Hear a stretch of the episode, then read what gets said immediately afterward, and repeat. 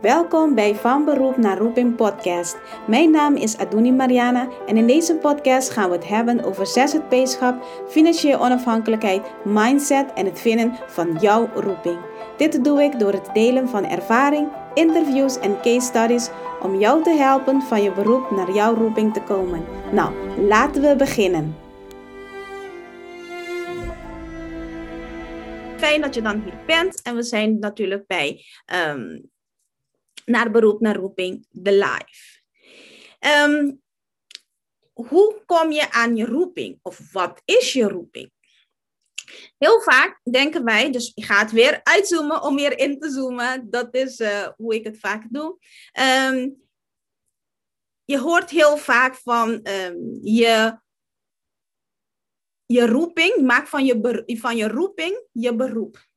Dat is eigenlijk wat je vaak hoort. Dat als wij, en vooral voor wij hulpverleners, dat ons uh, roeping is om zorg te leveren. Dus daarom zijn we in deze beroep gestapt. Ook bij leraren heb je dat. De, de roeping is om leraar te worden. Vroeger had je bij priesters, de roeping is om een priester te worden. En het is net alsof je een stempel krijgt voor de rest van je leven. Die ene roeping, die ene idee dat je toen had, of die ene gevoel dat je toen had, misschien toen je nog jong was, en um, uiteindelijk voor de rest van je leven dan meeneemt. Want dat zou dan je roeping uh, zijn. Ik ben van mening, ik zeg dit een mening, maar dat is wat ik dan ook rond mij heen zie en wat ik ook zelf heb meegemaakt. Je roeping is niet iets eenmalig. Ik ben echt ervan overtuigd dat je roeping iets is dat je naar geroepen voelt. En het hoeft niet zo te zijn vastgelegd in steen en cement tot het einde van je leven. Dus once a, a, a nurse, always a nurse. Ik denk dat niet. Dat betekent niet dat het wel bestaat. Dat het wel zo is. Dat je misschien de zorg hebt gekozen omdat je ja, voor de rest van je leven dat wil doen en dat je dat nog steeds voelt. Ja? Dat je nog steeds voelt. Daar niks van. Hè? Maar we hebben natuurlijk altijd over de vijf fases van ondernemerschap en financiële groei. En ik ga je uitleggen in die vijf fases waarom ik denk dat je roeping niet altijd, heel vaak, niet is wat jij hebt gekozen als beroep toen jij nog jong was. Ja? Kan helemaal iets anders worden. De eerste fase is loondienst, toch? De eerste fase is loondienst.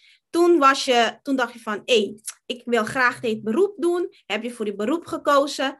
Um, heb je opleiding gedaan? En toen ben je gaan werken um, in een instelling, thuiszorgorganisatie of praktijk. Ben je gaan werken in de functie van wat jouw beroep is.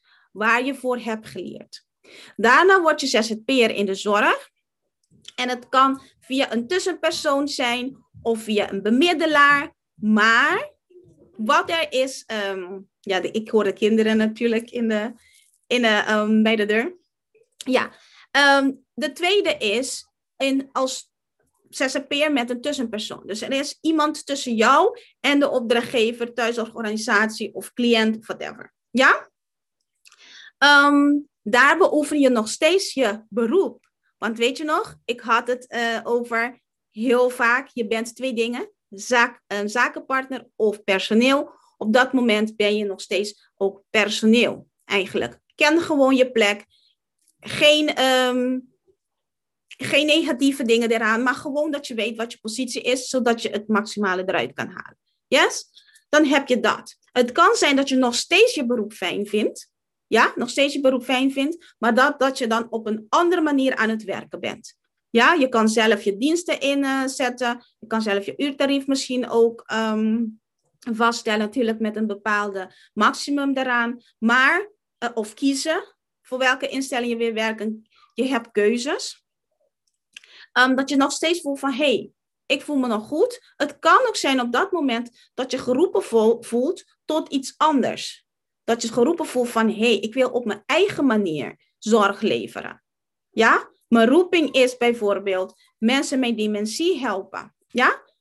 En toen, toen ik dan in die fase zat, in fase 2. Eigenlijk in fase 1 ook al, werkte ik al met mensen met dementie. Maar ik had daarnaast ook als psychomotorisch therapeut, gaf ik beweging. En ik had zoiets van, ja, ik moet er iets mee. Maar via een tussenpersoon kwam ik niet aan dat wat ik eigenlijk zou willen. Dus aan de roeping dat ik voelde, waarvoor ik me geroepen voelde. Ja? Dus dan ga je dan uh, in fase 3 eigen cliënten en opdrachtgevers. Dan kan je het zelf vormen van hoe je die zorg dan levert. Als je naar opdrachtgevers gaat, kan het verschillende dingen zijn. In mijn geval, opdrachtgevers was bijvoorbeeld een dagbesteding, waar ik daar een programma voor heb gemaakt. Ja, dus het kan voor verschillende dingen zijn. Ja, maar je voelt je geroepen om dat dan te gaan doen. Wanneer je daarmee bezig bent, kan zijn, hè, hoeft niet per se, misschien zit je helemaal in je element, maar kan zijn dat je weer iets anders tegenkomt waarvoor je weer geroepen voelt dat jij het moet gaan oplossen. Of dat jij zo, zo geïrriteerd raakt van dat waarom doen ze het zo? Het kan zo sneller, het kan tot beter. En waarom zo? En je voelt je geroepen om dat op te gaan lossen. Dan wordt iets anders jouw roeping. Ja? Of je krijgt nog een roeping bij. Dat kan ook, hè? Um, dan heb je eigen uh, cliënten en opdrachtgevers en je voelt je geroepen op iets anders te doen. Dat kan. Dan ga je iets nieuws creëren misschien. Of dan ga je iets optimaliseren. Dan heb je een nieuwe dienst gecreëerd of een nieuw product. Dat kan, hè? Dan volg je weer die roeping. Maar misschien heb je zoveel um, succes ermee. Dan ga je naar de volgende fase. En dan ga je naar de fase van um, opschalen waar je dan niet genoeg tijd hebt, hè? niet genoeg tijd hebt om iedereen te bedienen zoals je zou willen. En dan zal je gaan opschalen. Ja? En dan heb je natuurlijk de fase van impact-innovatie, waarvoor je weer geroepen voelt om iets te innoveren. Of je geroepen voelt dat je een grotere um, aantal mensen wil bereiken. Ja, dat je een verandering wil brengen in iets. Misschien in het hele zorgsysteem zie je dat er iets mis is. Of misschien zie je, ik noem maar iets nou eventjes, dat um, mantelzorgers meer steun nodig hebben. En je hebt een idee hoe. Ja, en je wil dan zoveel mogelijk mensen bereiken, zodat de mantelzorgers bijvoorbeeld meer ondersteuning krijgen. Van die dingen. Maar dan voel je je weer een andere roeping naar boven komen. Dus daarom ben ik van mening dat je roeping niet een eenmalig iets is. En daarom hebben wij ook onze programma en onze show en alles wat we hebben van maak van je beroep je roeping. Want je beroep heb je ooit gekozen. Ja, die beoefen je. Dat is een functie. Maar je roeping is groter dan dat. Je roeping is iets dat jij naar voor, ja, dat je ervoor geroepen voelt. Dat jij het moet oplossen. Dat jij er iets mee moet doen. En daar kan je niks aan doen. Het blijft in je hoofd, het blijft malen in je hoofd. En je kan het gewoon niet opzij zetten. Maar elke keer als je het opzij zet, komt die weer terug. Ja, komt die dan weer terug. Ben there, done that. Ik, ik zeg het echt uit ervaring. Dit al, dit wat we hier hebben, nu met 3000 mensen, ja, waar ik super mee blij ben, echt super, super mee blij ben. Um, ik voelde me geroepen om dit te doen. Um, ik, elke keer zei ik, oké, nee, maar dat is hem niet. De ouderen met Adonis Moving Care, dus mijn zorgonderneming, met Adonis Moving Care, dat is mijn roeping. Daarvoor heb ik gestudeerd. Is niet voor niks dat ik mijn diploma's en mijn dingen heb, mijn werkervaring, daarvoor heb ik dat. Maar elke keer kwam dat stuk financiële stuk weer terug. Dat mensen naar me toe kwamen met vragen van financiële stuk. En het ging me makkelijk af. Maar ik dacht van ja, maar dat is hem niet. Daarvoor heb ik niet elke keer opzij zetten. En het kwam elke keer weer terug. Dan weet je dat dat je roeping is. Ja?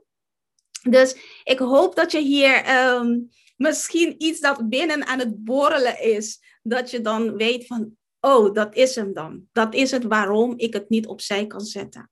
Ik heb een paar weken terug iemand gesproken in onze oriëntatiegesprek, um, waar je trouwens ook um, gewoon gratis een oriëntatiegesprek kan aanvragen, om te kijken van, hé, hey, um, waar sta je nu, waar wil je naartoe en waar is je meest logische volgende stap dat je kan nemen.